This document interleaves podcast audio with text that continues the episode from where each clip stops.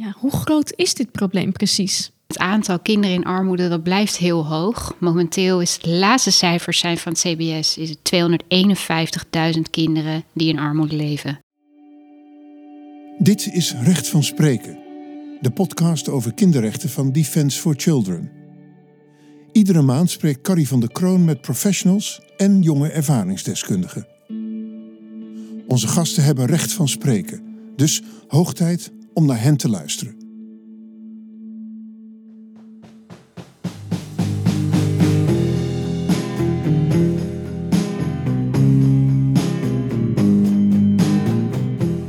Ik ben Carrie en vandaag mag ik in gesprek met Melvin, jongerenambassadeur bij Speaking Minds. Welkom Melvin. Dankjewel. en ik ga ook in gesprek met Eva Huls, advocaat in dienstbetrekking bij Defence for Children. Welkom Eva hier in Leiden. Dank je. Vandaag uh, mag ik met jullie verder praten over kinderen die opgroeien in armoede in Nederland. En volgens het CBS zijn dat er maar liefst 250.000. Nou, Defence for Children vindt dat aantal veel te hoog. En een groot probleem is dat dat aantal al jarenlang ook nauwelijks afneemt. De coronacrisis zal naar alle verwachting de armoede in ons land verder doen stijgen in plaats van doen afnemen. Dus hoog tijd om over dit urgente probleem uh, samen door te praten. Melvin, ik uh, begin heel graag bij jou. Als jongerenambassadeur bij Speaking Minds kom jij op voor kinderen die opgroeien in armoede. En dat doe jij niet zomaar. Jij hebt het namelijk zelf ook meegemaakt in jouw jeugd. Kun je ons meenemen naar jouw jeugd? Waar, uh, waar kom jij vandaan en hoe ben jij opgegroeid? Uh, ja, dat wil ik graag met jullie delen. Um, ik ben opgegroeid in Almelo met uh, drie zussen en een broer. het was altijd wel gezellig en warm in huis ja, weet je, als kind zijn heb je bepaalde dingen niet door. Op een gegeven moment word je ouder, dan ga je dingen wel doorhebben. En um, dan bedoel ik vooral um, het gedeelte armoede. Ja, als kind zijnde merk je er nog niet zo heel veel van. Maar op een gegeven moment word je ouder, dus dan merk je er al gauw meer van. En ook de sfeer um, werd daardoor ook anders in huis. Dus dat ervaarde ik ook beter dan dat ik toen kind was. En hoe oud was jij toen jij dingen doorkreeg? Uh, toen ik echt door begon te krijgen dat de armoede in huis was, was ik denk ik tussen de 10 en de 12 jaar ongeveer. Toen begon ik het echt te beseffen van oké, we leven in armoede. En uh, waardoor kwam dat? Wat merkte jij? Ja, ik, ik merkte verschil tussen klasgenootjes en, en, en vriendjes uit de buurt.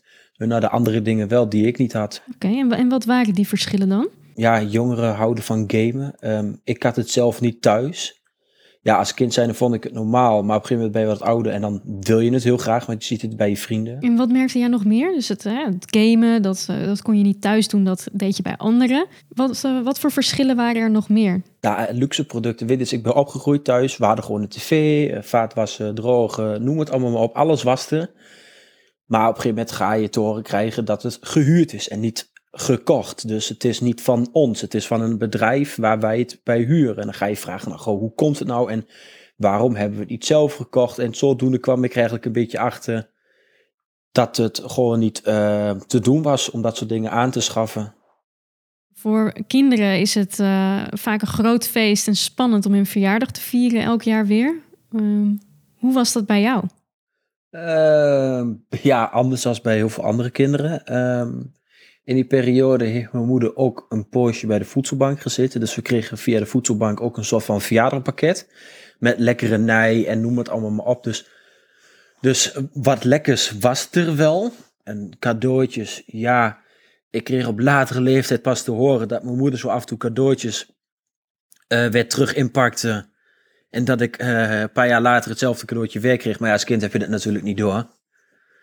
Dus... Uh, het was niet zo, mam, dit wil ik hebben, dit krijg ik. Waar iedereen een dikke smartphone kreeg, kreeg ik gewoon een, uh, een tweedehandse telefoon die ergens van mijn neef is geweest of die ergens van mijn broer is geweest. Waar ik overigens hartstikke blij mee was, maar het was niet zoals bij anderen. En mensen denken vaak uh, armoede gaat om uh, geen eten hebben in plaats van geen spelcomputer. hoe zat dat thuis? Ja, weet is uh, spelcomputer, dat is een, uh, is een extraatje. Weet is, dat heeft voor mij eigenlijk nooit uh, veel uitgemaakt. Maar meer het gedeelte van um, ons eetpatroon was anders. ik was anders gekleed. Um, Eh, mijn broer was ouder, dus ik had al gauw zijn kleding aan die mij wel past en hem niet meer. En daar merkte ik het ook heel erg aan. Jouw klasgenoten en jouw vrienden, um, wisten die van het feit dat uh, jullie zorgen hadden om geld thuis? Mm, ja, ja net wat ik uh, hiervoor ook al zei. ik liep in de, in de kleding van mijn broer. en als ik een broek had die kapot was, werd het weer genaaid of noem het maar op. Dus mijn klasgenoten zagen dat ook. mijn kleding zag er niet al te top uit. Ik had een gat in mijn broek. Ik liep weer niet hoe lang op dezelfde schoenen. Dus ze merkten het al wel gauw. En uh, ik ben altijd al een open boek geweest, ook als kind zijnde. Dus ik praatte er gewoon heel makkelijk over. Dus ja, ze wisten het allemaal wel. Alleen niet iedereen begreep het. Oké. Ja, inderdaad. Het valt me op. Hè. Je, je praat er uh, vrij uh, open over. En je zegt ook, ik, ik schaam me niet. Uh, ik, ben, ik ben een open boek dat is voor heel veel jongeren, kan ik me voorstellen, ook wel anders. Want ja, je wil graag erbij horen. Of een, een speelcomputer of mooie kleding. Dus dat is wel echt ja, heel anders bij jou. hoe komt dat? Um, omdat ik ben opgegroeid met de mentaliteit van um, wees blij met wat je hebt. En wees niet ontevreden met wat je hebt. Kijk, weet dus dat wat je hebt is misschien niet het beste. Maar uh, wees er toch blij mee, want er zijn ook kinderen die het niet hebben. Dus ik was al gauw heel dankbaar met alles wat ik kreeg, zeg maar. Wauw, heel mooi, Melvin. Als we het even hebben over school. Uh, wat voor opleiding heb jij uh, gedaan? mijn basisschool was een speciaal onderwijs. Ik heb altijd al moeite gehad met leren. En mijn aandacht naar leren was er ook nooit. Dus toen ben ik al gauw op een speciaal onderwijs geplaatst. En Vanuit daaruit ben ik doorgegaan naar een praktijkonderwijs. En ja, dat vond ik echt hartstikke fijn. Ik zag het bij vrienden dat ze naar een, een VMBO, naar een HAVO gingen. En ik zag hun heel veel moeite doen met leren. En ik denk, ach, ik ben erg blij dat ik dat niet heb. Ik kan gewoon lekker met mijn handen werken op school. Uh, de leraren hebben uh, geduld en tijd voor je, want ze weten dat je iets hebt waardoor je hier op school zit. Ze kennen de situatie, ze accepteerden me zoals ik uh, was, zeg maar. En dat voelde heel prettig. Ja, en daarna, wat, voor, uh, wat ben je daarna gaan doen, na het praktijkonderwijs? Ja, op praktijkonderwijs hebben ze altijd tegen mij gezegd, Melvin, ga lekker werken, want leren is niks voor je. Ja, ik dacht, ja, doei, ik wil een opleiding volgen. Dus ik ben niveau 1 gaan doen, facilitair medewerken. MBO niveau 1 ben jij gaan doen? Ja, ja, ja MBO niveau 1, facilitair medewerker. Daar merkte ik ook dat het leren wel echt moeilijk was. Ik had echt moeite mee.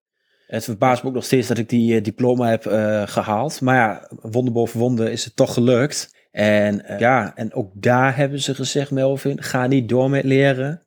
Want um, je bent niet slim genoeg om een vervolgopleiding te doen in niveau 2. Dus ja, op een gegeven moment ga je erin geloven, want zij docenten, oké, okay, ze hebben gelijk, het zal wel. Dus toen ben ik er een tijdje eh, mee gestopt. En toen had ik zoiets, ja weet eens, ik wil het ook eigenlijk wel weer. En toen woonde ik ook bij um, Humanitas Onderdak. En hun hebben mij eigenlijk ook een beetje gestimuleerd van, weet eens Melvin, als je graag een opleiding wil doen, uh, ga het gewoon doen. Wij zien jou niet als een domme jongen. Mm -hmm. En toen heb ik een, uh, een, toelatingstoets gedaan en toen zeiden ze van, nou weet eens Melvin, niveau 2 kun jij in principe gewoon aan. En dat heb je ook gehaald, afgemaakt? Ja, ja, ja, dat heb ik gewoon uh, goed afgerond. Cijfers waren niet al te best. Klasgenootjes hadden wel betere cijfers. Daar hebben we het niet ja, over.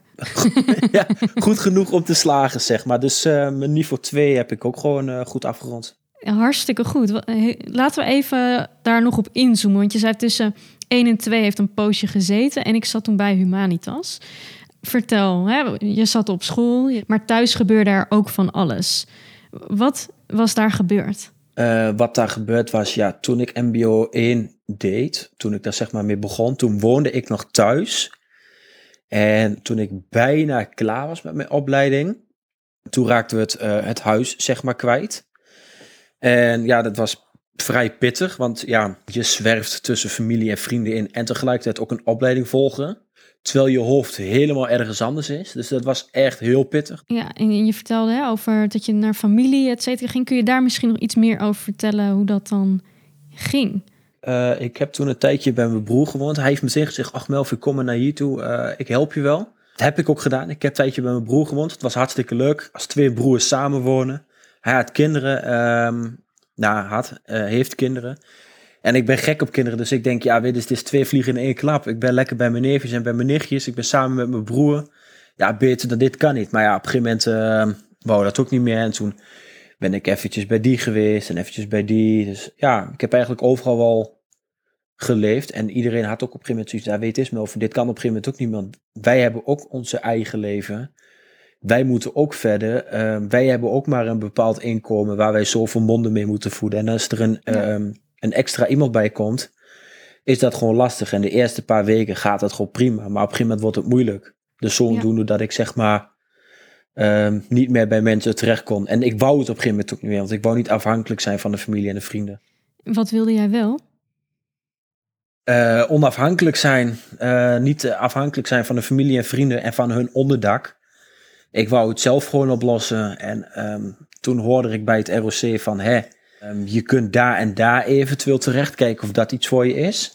Ja, toen ben ik dat even gaan uitzoeken. En toen heb ik me aangemeld bij Humanitas Onderdak. Oké, okay, dat was dus Humanitas Onderdak. En daar heb jij uh, onderdak gekregen en kon jij je opleiding verder afmaken. Gaat het goed met jou nu? Ja, in 2021? Ja, ik ben uh, super blij. Het gaat hartstikke goed met me. Ik geniet van het leven zoals ik daarvoor nooit eerder heb kunnen doen. Ik heb een goed stabiel inkomen. Als ik nou iets wil kopen, dan kijk ik even, kan ik het missen? Ja, ik kan het missen, dan koop ik het gewoon. Wauw, dus dat uh, is nu heel anders dan vroeger. Ja, ik ben schade aan het inhalen, om zo maar te zeggen. En wat zeggen mensen die jou tegenkomen tegenwoordig? ja, als ik dan vooral kijk naar mensen die ik lang niet meer heb gesproken, die niet weten dat ik hier ben en woon, die kijken wel heel verbaasd en die hebben echt iets van, wow, je hebt het echt wel ver geschopt. Dit had ik niet verwacht. En de mensen die uh, mij kennen, die zeggen ook van, ja Melvin, je hebt het echt goed voor elkaar. Je hebt een mooi huis, uh, je hebt een vaste relatie, je hebt een goede inkomen, uh, je bent bij je familie in de buurt. Ehm, ja, ik had dit niet verwacht, zeggen ze dan. Ja, het is hartstikke goed gekomen met jou dus, maar niet zomaar. Daar heb je hartstikke hard voor geknokt. En als ik jou vertel dat er vandaag nog steeds kinderen zijn in Nederland die hetzelfde meemaken als jij het meegemaakt, wat denk jij dan? Uh, ik vind het echt niet kunnen, absoluut niet. Maar ja, het is er gewoon. En uh, ik denk dat je ermee moet omgaan zoals uh, ik er eigenlijk mee, met, mee ben bij omgegaan. Maar ja, dat is voor, uh, voor elk jongere natuurlijk anders. Iedereen gaat er anders mee om. Maar als ik uh, ze een tip zou mee mogen geven, zou ik vooral zeggen: weet eens, uh, luister lekker naar jezelf. En uh, ga niet te veel in op andere, andermans mening. En kijk vooruit en niet achteruit. En dat is ook precies wat jij hebt gedaan.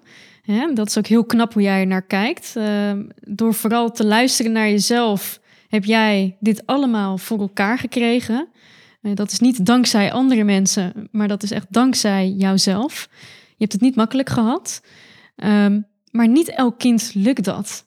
In, uh, in die zin is jouw verhaal dus wel uitzonderlijk. Je bent misschien niet uitzonderlijk in het feit dat je armoede hebt meegemaakt in jouw jeugd, maar je bent wel uitzonderlijk in het feit dat het jou is gelukt om op je 24ste een vaste baan, een koophuis te hebben, een lieve vriendin en zo'n mooi leven waarbij je volop kunt genieten zonder geldzorgen. Als je het zo bekijkt wel. Nee, en dat er heel veel andere jongeren zijn die, um, die hetzelfde hebben meegemaakt en die er niet zijn uitgekomen, um, hoop ik natuurlijk voor, uh, vooralsnog dat ze de juiste handvaten krijgen en de juiste hulp krijgen. Ook al durven ze die hulp niet te vragen. Het is geen schande, je hoeft je er niet voor te schamen. Uh, doe het gewoon, want je hebt er echt baat bij. Eva, het verhaal van Melvin staat niet op zichzelf. We horen steeds vaker dit soort verhalen. En armoede is ook veel in het nieuws de laatste tijd. Ja, hoe groot is dit probleem precies? Het aantal kinderen in armoede dat blijft heel hoog. Momenteel is het laatste cijfers zijn van het CBS is het 251.000 kinderen die in armoede leven. Het het grootste probleem eigenlijk hiervan is dat dit aantal nauwelijks daalt op jaarlijkse basis. Dus het blijft, het totaal aantal kinderen zien we de laatste jaren een kleine afname. Maar het aantal kinderen dat in langdurige armoede verblijft, dus dat is vier jaar of langer, dat aantal blijft al jarenlang gelijk. En dat is uh, onverteerbaar. Ongelooflijk. Um, de coronacrisis, wat voor invloed zal die hebben, denk jij? Ik denk een negatieve invloed, zoals elke crisis eigenlijk een negatieve invloed heeft op armoedecijfers. Armoede is, zoals men zegt in de, in de wetenschap en in de onderzoekspublicaties, conjunctuurgevoelig. Oftewel, als er crisis is, economische crisis, dan stijgt armoede. En als het goed gaat in het land, welvarende tijden, dan daalt de armoede. Dus naar verwachting zal deze coronacrisis ook weer een stijging van de armoede inhouden. En wanneer zullen we dat gaan merken, denk jij? Dat is lastig in te schatten. Uh, onlangs heb ik nog met gemeenten gesproken hierover. Zij verwachten dat begin volgend jaar, dus 2022, dat ze de gevolgen hiervan kunnen zien. In het nieuws zien we wel al berichten, met name van hulpverleningsorganisaties, zoals uh, wat Melvin net al noemde, de Voedselbank. Uh, maar bijvoorbeeld ook uh, specifieke fondsen, zoals het Fonds Bijzondere Noden Amsterdam, om maar een voorbeeld te noemen. die geven al aan dat er meer wordt aangeklopt eigenlijk bij hen om hulp. Oké, omdat er meer wordt aangeklopt om hulp, kunnen we nu al zeggen, meer mensen ervaren op dit moment armoede door de coronacrisis.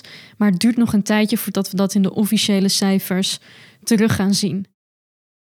We, dit gaat over Nederland. Um, internationaal, de VN, zeggen die hier ook iets over?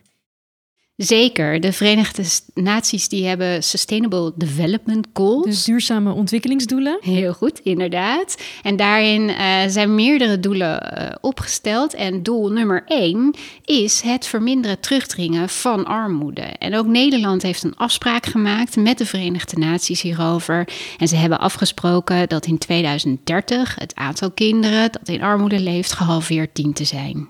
Bij de duurzame ontwikkelingsdoelen van de Verenigde Naties denken we vaak aan landen ver weg buiten Europa. Uh, de armoede moet daar worden teruggedrongen. Maar jij geeft eigenlijk aan, er is nog meer dan genoeg te doen in ons eigen land. En we zitten nog niet on track. We zijn nog niet uh, op het juiste spoor, als ik jou goed begrijp. Inderdaad. Ik denk dat er uh, altijd gewezen kan worden vanuit Nederland naar andere landen uh, dat het in andere landen slechter is. Maar wat Nederland niet goed doet en waar Nederland niet goed op presteert, is eigenlijk het uh, terugdringen van armoede onder kinderen. En daar doen zelfs andere landen, ook landen waar armoede flink meer is dan in Nederland, het veel beter op. Wat in Nederland tekenend is voor de afgelopen uh, jaren, is dat we kunnen kijken natuurlijk naar de vorige crisis. En hoe was het niveau van armoede onder kinderen eigenlijk voordat de vorige crisis, namelijk voor 2008, hoe zag je er toen uit? En dan kunnen we zien dat dat niveau van voor 2008 nog steeds beter was dan wat we nu hebben bereikt met de aanpak van de afgelopen zeg 13 jaar. Dus na de economische crisis is er 13 jaar gewerkt aan het terugdringen van armoede onder kinderen. En we zijn er nog steeds niet. Het is nog steeds niet als daarvoor. Precies, en we zijn negen jaar verwijderd van 2030, waarop het gehalveerd moet zijn, dat aantal. Maar als dat dus in de afgelopen 13 jaar al niet is gelukt, hoe gaan we dat dan uh, aanpakken de komende negen jaar. De urgentie is mij helemaal duidelijk. Uh, maar hoe kan het dat die aanpak van al die jaren, van die afgelopen 13 jaar, onvoldoende is gebleken? Ja, dat is een lastige vraag om te beantwoorden. In die zin uh, dat uh, de, de, de vraag is meteen het antwoord. We weten niet wat de effectieve aanpak is. Dus de Rijksoverheid, vanuit de Rijksoverheid, mist een robuuste visie om dat neer te zetten. Waardoor we ook zien dat heel veel gemeenten bijvoorbeeld anders aanpakken. juist omdat die gemeenten veel vrijheid krijgen. Maar gemeenten hebben daarbij ook aangegeven dat het voor hen soms lastig is, omdat over sommige onderdelen zij niet vrijelijk mogen beslissen. Daarover hebben ze de Rijksoverheid weer nodig. Ik noem bijvoorbeeld een inkomensnorm. Dat wordt landelijk bepaald. Dus die robuuste visie van de Rijksoverheid mist. We hebben daarbij doelgroepen niet in zicht. Um, en het is heel lastig als er door het ministerie van Sociale Zaken en Werkgelegenheid bijvoorbeeld wordt gezegd: we willen 70% bereiken van de werkende armen. Maar we weten niet wat de 100% is. Want we hebben die groep niet in zicht. Dus hoe weten we dan precies dat we 70% hebben bereikt? Dus dat maakt het ook dat wat wordt neergezet als visie lastig meetbaar. Wat is daarvan het gevolg? Het gevolg wat we zien is, en dat is natuurlijk aan zich heel mooi, we zien heel veel initiatieven die worden ontplooid in de praktijk. Um, maar daardoor is het ook heel versplinterd geraakt. We zien niet goed wat heel effectief uh, in algemene zin uh, werkt momenteel.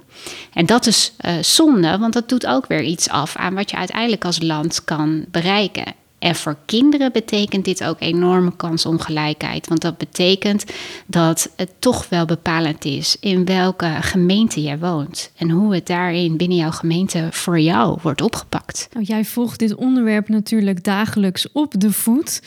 Als jij goed kijkt naar al die initiatieven die voorbij komen, vallen er jou dan nog dingen op?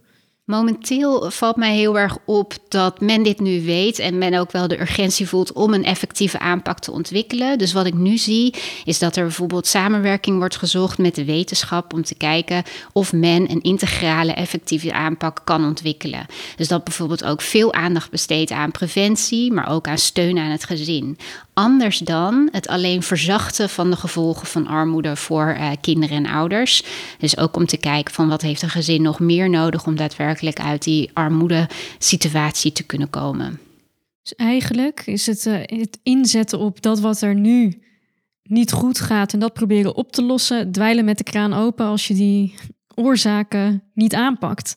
Als je ze laat bestaan en alleen maar inzet op het uh, verzachten van gevolgen, ja, dan houdt het natuurlijk niet op. En dat is ook wat uh, vele uh, onderzoeken aangeven: dat armoede overerfbaar is, zoals men dat noemt. Oftewel, het is heel moeilijk als je zelf in armoede bent opgegroeid om vervolgens, als je ouder bent, eigenlijk niet in een armoedesituatie weer terecht te komen. Het lijkt me hartstikke duidelijk dat je de fundamentele oorzaken moet aanpakken. Uh, op de een of andere manier uh, lukt dat de overheid uh, of ons allemaal ook nog niet. waarom lukt dat niet? Of waarom is het zo moeilijk om die fundamentele oorzaken in kaart te krijgen, op te pakken, op te lossen? Ik denk dat we heel goed moeten kijken naar met welke soort uh, gezinnen met kinderen we ook te maken hebben. Want niet ieder gezin kent dezelfde oorzaak voor de situatie waarin ze zijn beland. En die demografische gegevens, uh, zeker met, met de langdurige armoede, die zijn er nog niet, zijn nog niet geïnventariseerd, waaruit die groep dus bestaat. Hè, dat kan zijn een bijstandgezin, maar het kan ook zijn, veel voorkomen is ook een eenoudergezin. En wellicht dat die gezinnen ook andere behoeften hebben waarmee ze geholpen uh, willen en kunnen worden. Nou moet ik daarbij wel weer zeggen dat er heel vaak wordt gezegd dat je jezelf uit armoede kan werken. Nou, dat blijkt voor veel mensen uh, ook nog een heel lastig verhaal. Iets over de impact en de gevolgen voor kinderen die opgroeien in armoede. Wat zie jij? Welke voorbeelden ken jij? Ik wilde eerst even reflecteren op wat Melvin ook al uh, heeft verteld. Want ik vind het een enorm indrukwekkend verhaal. Wat Melvin met ons heeft gedeeld. Uh, en ik vind het zo knap van hem. Waar hij nu staat en wat hij heeft bereikt. Uh, en dat hij ook telkens aangeeft vanuit nou, door te zetten. En heel dankbaar is voor alles wat hij heeft. Um, ik denk dat het niet alle, alle kinderen is gegund um, om op die manier eigenlijk zich eruit te kunnen werken. Um, dus wat we eh, veel zien, en met name ik heb dit gezien toen ik voor Defense Children en Save the Children een onderzoek heb verricht um, over de kansen voor kinderen in de diverse gemeenten in Nederland. En daarbij uh, heb ik ook met jongeren van Speaking Minds gesproken. Uh, en de resultaten van diverse trajecten bekeken. En daaruit blijkt uh, ja, wat zij aangeven te maken hebben met schaamte. Uh, richting leeftijdsgenootjes. Uh, wat Melvin zegt is dat hij altijd een open boek is geweest. Uh, dat is niet voor elk kind het geval. Sommige kinderen vinden het op school heel lastig. Zeker als er inderdaad in dezelfde kleding moet worden gelopen. zij niet meekomen omdat ze niet dezelfde spullen hebben. Ehm, sociale uitsluiting. Niet alle kinderen hebben inderdaad een smartphone waarmee gewhatsappt kan worden of deel, onderdeel is van een WhatsApp groep van de klas. Um, dus dat maakt het voor hen lastiger om aan te sluiten bij klasgenootjes. Maar het ook lastig vonden om bijvoorbeeld klasgenootjes te vragen om bij hem te komen spelen. Omdat het er bij hen thuis toch heel anders uitzag dan bij leeftijdsgenootjes. Ja. Nog even verder voortbordurend op de gevolgen voor kinderen die opgroeien in armoede. Wat voor risico's uh, kleven hier aan voor kinderen? Dus er is een risico, helaas, dat uh, kinderen die in armoede opgooien een lager schooladvies bijvoorbeeld krijgen. Wat we ook zien uh, is een risico op uh, gezondheidsproblemen. Ehm, we hoorden me even al kort refereren aan bijvoorbeeld het, uh, welke voeding er wel of niet was thuis. Nou, dat is natuurlijk voor heel veel kinderen, als er te weinig geld is, dat het vaak neerkomt op de goedkopere producten, maar ook veel van hetzelfde. Dus weinig voedings- en vitamine, vitamine rijk, waardoor er ook weer gezondheidsproblemen ook op latere leeftijd kunnen ontstaan. Wat we uit rapporten en publicaties weer weten, is dat kinderen die, een mens überhaupt, die in een um, uh, armoede zijn opgegroeid, dat zij een lagere levensverwachting hebben. En wat we ook zien is dat er een risico is op bijvoorbeeld verwaarlozing. Er is vaak bij gezinnen in armoede ook stress en angst. Kun je deze maand weer de eindjes aan elkaar knopen? Nou, dat heeft wat effect natuurlijk op een gezin. Um, waardoor door die stress weer andere uh, dingen kunnen ontstaan, zoals die verwaarlozing, zoals bijvoorbeeld mishandeling. Er is extra risico op verval en jeugdcriminaliteit. Ik wil heel erg benadrukken risico's. Het is zeker niet uh, zo dat al die kinderen dat pad ook aflopen. Uh, maar die risico's zijn er wel. En uit uh, onderzoek van de kinderombudsman, maar ook uh, het World Happiness Report, wat elk jaar wordt opgemaakt, zien we ook dat kinderen die in armoede leven vaak hun leven een lager cijfer geven. En ook best wel na van lager cijfer dan hun leeftijdsgenootjes in een andere, wel meer welvarende situatie. Eva, je vertelt dat er ontzettend veel risico's op allerlei leefgebieden uh, aan kleven aan deze armoede. Dus het kan op allerlei manieren negatief invloed op kinderen hebben en op hun leven. Als ik dat hoor, dan kan ik daar al echt flink boos om worden. Het is oneerlijk dat door een tekort aan geld er zoveel verschillende andere problemen in je leven kunnen sluipen.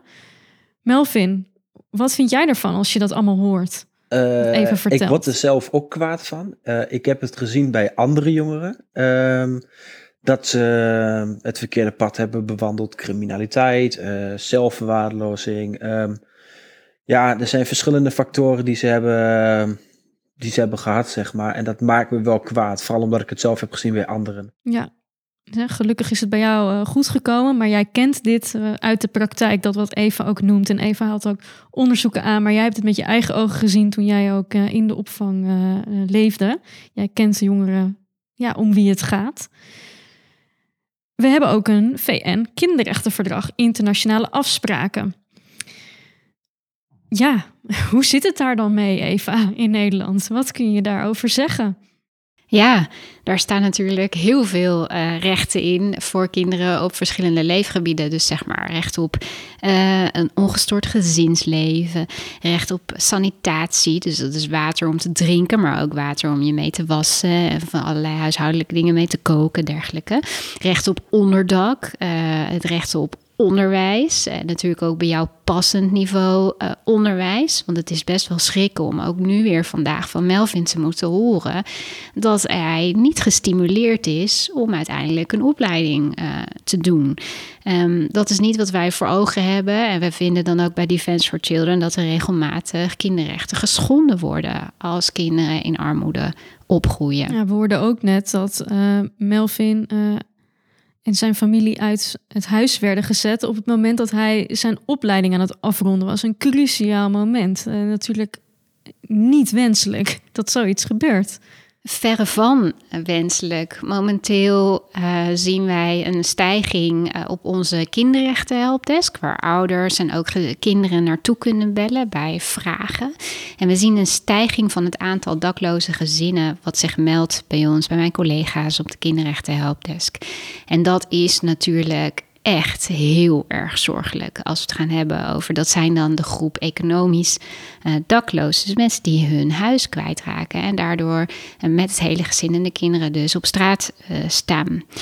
Ehm, dat zouden we ook inderdaad heel graag anders zien. En we zouden ook graag zien dat er meer naar de kinderen wordt gekeken. En dat hun belang uh, in, in het hele stelsel van belangen, dat moet worden afgewogen op zo'n uh, moment, in zo'n uh, zo'n zaak die zich dan zo voordoet bij bijvoorbeeld een gemeente. Dat er echt naar de kinderen wordt gekeken en dat het ook ontzettend zwaar weegt, het belang van het kind ten opzichte van misschien andere belangen die er zijn. Maar dat de belangen van de kinderen altijd eigenlijk voorop worden gesteld. Wat moet er volgens jou gebeuren? Er wordt heel erg gekeken naar de positie van ouders. Um, dat zien we ook in de huidige verkiezingsprogramma's van de meeste politieke partijen. Uh, bijvoorbeeld het inkomen van ouders staat erg centraal en natuurlijk de hele het belastingstelsel daaromheen. Terwijl we ook artikel 26 hebben in ons kinderrechtenverdrag dat zegt dat kinderen recht hebben op sociale voorzieningen. Maar dat betekent dus ook van onze overheid dat we weer moeten gaan kijken naar wat heeft het kind nodig en dat kind heeft daar recht op. Niet zozeer alleen maar kijken naar de positie van ouders, maar gewoon naar de kinderen kijken uh, als drager van rechten om te kijken wat ze nodig hebben en dat dus ook in te zetten. Maar ook de informatievoorziening, dus hoe je dit zou kunnen aanvragen, is heel erg gericht op de positie van ouders. Dus uh, uit mijn onderzoek van Defense Children en Save the Children, maar ook de Kinderombudsman van Rotterdam, onlangs weer een onderzoek, die geven ook aan websites van gemeenten, geven eigenlijk kinderen onvoldoende handvaten om zelf uit te zoeken waar zij recht op hebben. En waar ze dan natuurlijk eventueel met ouders in overleg kunnen aanvragen. Maar aan kinderen wordt in die zin niet gedacht. Dus er is ook voor hen heel moeilijk uh, vindbaar uh, wat ze zelf zouden kunnen bedenken wat ze nodig hebben. Binnenkort mogen wij weer uh, naar de stembus, of tenminste, uh, heel veel mensen in Nederland mogen naar de stembus. Dat uh, biedt misschien perspectief. Ik, ik, kijk vragend naar je, Eva. Jij hebt alle, of tenminste 13 partijprogramma's geanalyseerd op het thema armoede. Wat is jouw analyse? Mijn analyse is, en ik moet daarbij ook mijn collega's uh, bedanken, want ik heb het zeker niet in mijn eentje gedaan, um, uh, maar daarbij steun gehad. Maar wat wij zagen is dat uh, sommige poli politieke partijen wel iets hebben opgenomen over armoede onder kinderen en dat ze een aanpak willen ontwikkelen, maar dat weinig politieke partijen daadwerkelijk concreet met een plan van aanpak komen hoe zij dan de armoede onder kinderen gaan terugdringen. En ik denk dat dit uh, terugdringen van armoede onder kinderen een prioriteit zou moeten zijn van onze komende regering en ook in het regeerakkoord uh, zou moeten komen. Welke partijprogramma's ste steken voor jou nou echt met kop en schouders bovenuit? De meest concrete uh, die aardig wat had uitgeschreven voor een aanpak uh, om het aantal kinderen in armoede terug te drinken, is de ChristenUnie.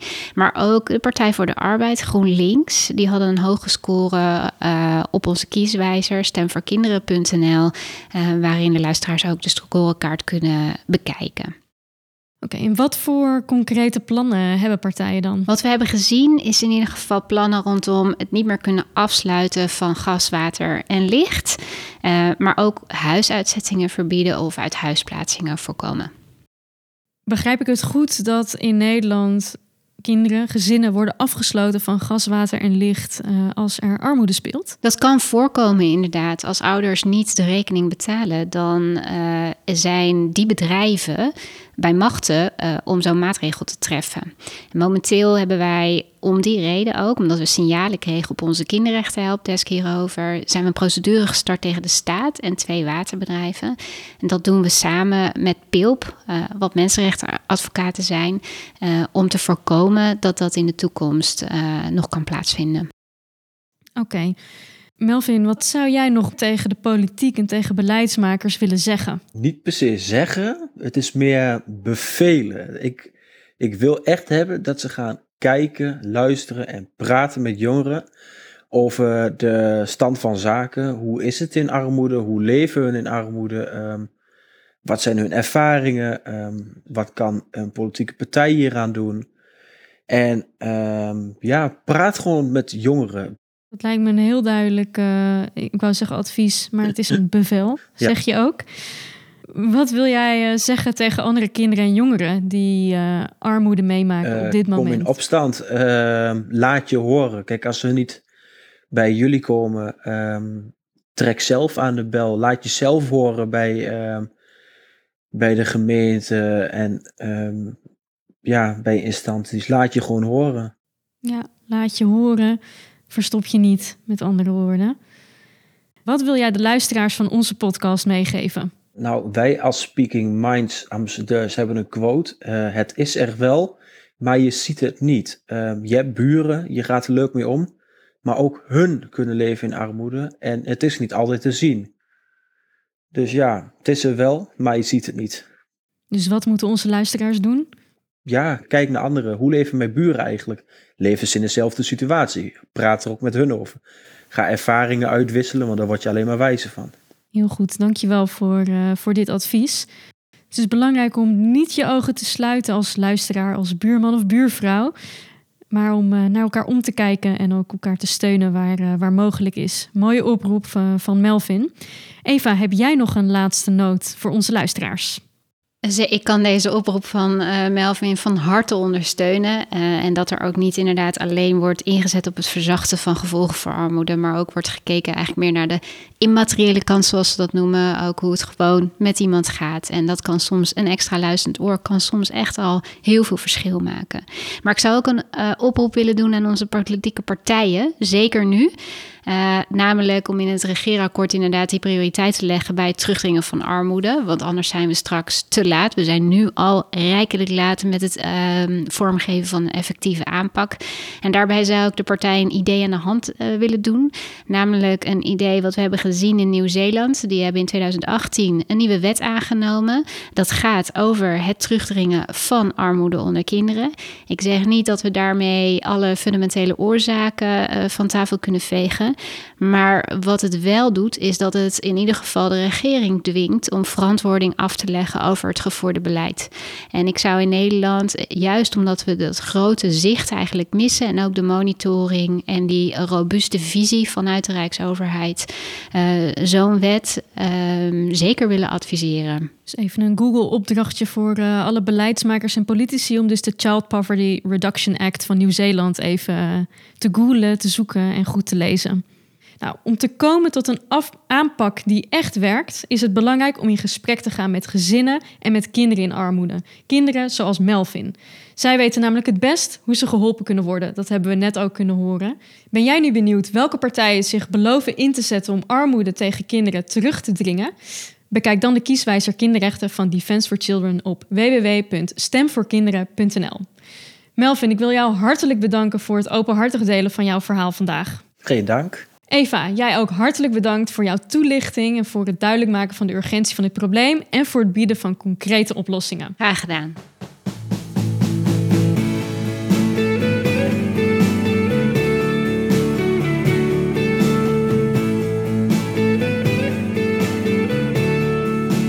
Vond je deze aflevering interessant? Deel hem dan met anderen en abonneer je op Recht van Spreken, podcast over kinderrechten van Defence for Children.